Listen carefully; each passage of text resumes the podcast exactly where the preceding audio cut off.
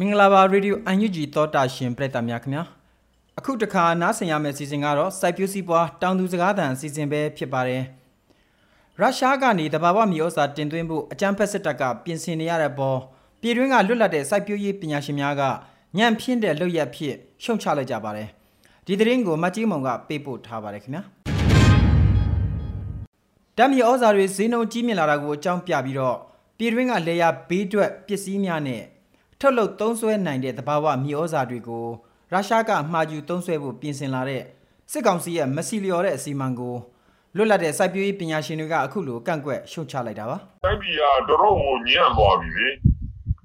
အဲအုတ်ချုပ်တဲ့လူတွေရောစီမံတဲ့လူတွေရောဟာလူအလူညံ့နေဖြစ်သွားပြီတဘာဝပေါက်ပင်နေရှိတယ်လေသစ်ပင်မျိုးစုံရှိနေတာပဲသစ်ပင်မျိုးစုံကရတဲ့ဘေးတော့ပစ္စည်းတွေစိုက်ပျိုးတဲ့သီးနှံတွေနဲ့ပတ်သက်ပြီးတော့ဟလာ ဘယ်မျိုးစုံရှိတယ်စီထွေသီးနှံရှိတယ်ဆန်သမားရှိတယ်စက်မှုကုန်ညာသီးနှံတွေရှိတယ်အဲ့ဒီသီးနှံပေါင်းစုံကထွက်တဲ့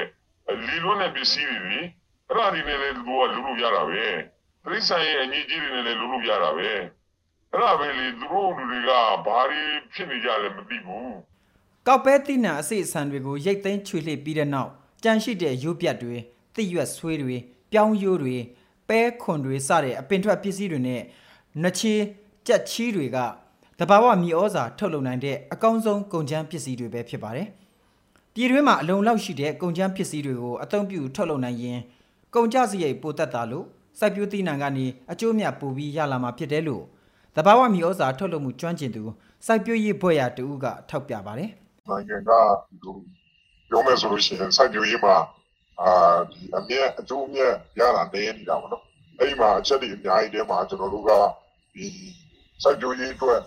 သုံးရတဲ့ပစ္စည်းတွေအကုန်လုံးကိုကျွန်တော်တို့နိုင်ငံထဲမှာမထုတ်နိုင်ပဲနဲ့ဒီပါနေတွင်းနေရတဲ့ဟာမျိုးတွေကအဓိကပါတယ်ပေါ့နော်။ဟောဆိုကြပါစို့မျိုးစေ့ရနေစပြီးတော့ကျွန်တော်တို့ကအာဘုဒ္ဓစီဆိုတဲ့အပြင်မှာတွင်းနေအာဒီ open stick ကိုဟိုဒါတမျိုးဟောစားလို့ပါဆိုလဲကျွန်တော်တို့ကအပြင်ကတွင်းနေရတာပေါ့နော်။အဲ့ဒီတော့ကျွန်တော်တို့စိုက်ပျိုးရေးမှာအာတောင်သူတွေအကျိုးမြတ်နေနေရတာက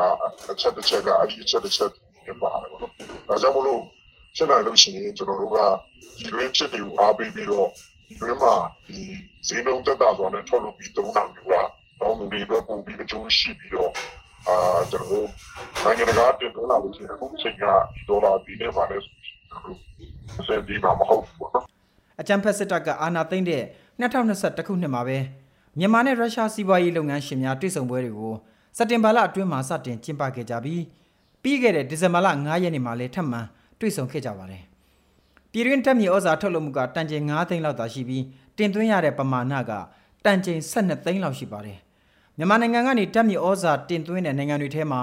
ရုရှားနိုင်ငံလည်းပါဝင်နေပြီးအခုအခါမှာတဘာဝမြေဩဇာကိုပါထပ်မံတင်သွင်းဖို့ပြင်ဆင်လိုက်တာပဲဖြစ်ပါတယ်။သောတာရှင်များခင်ဗျာအခုတင်ဆက်ပေးခဲ့တဲ့မြေပြင်သတင်းအကြောင်းအရာတွေကိုရေဒီယို UNG သတင်းတောက်မတ်ကြီးမုံကပေးပို့ထားတာဖြစ်ပါတယ်ခင်ဗျာကျွန်တော်ကတော့လွတ်လပ်နေဦးပါ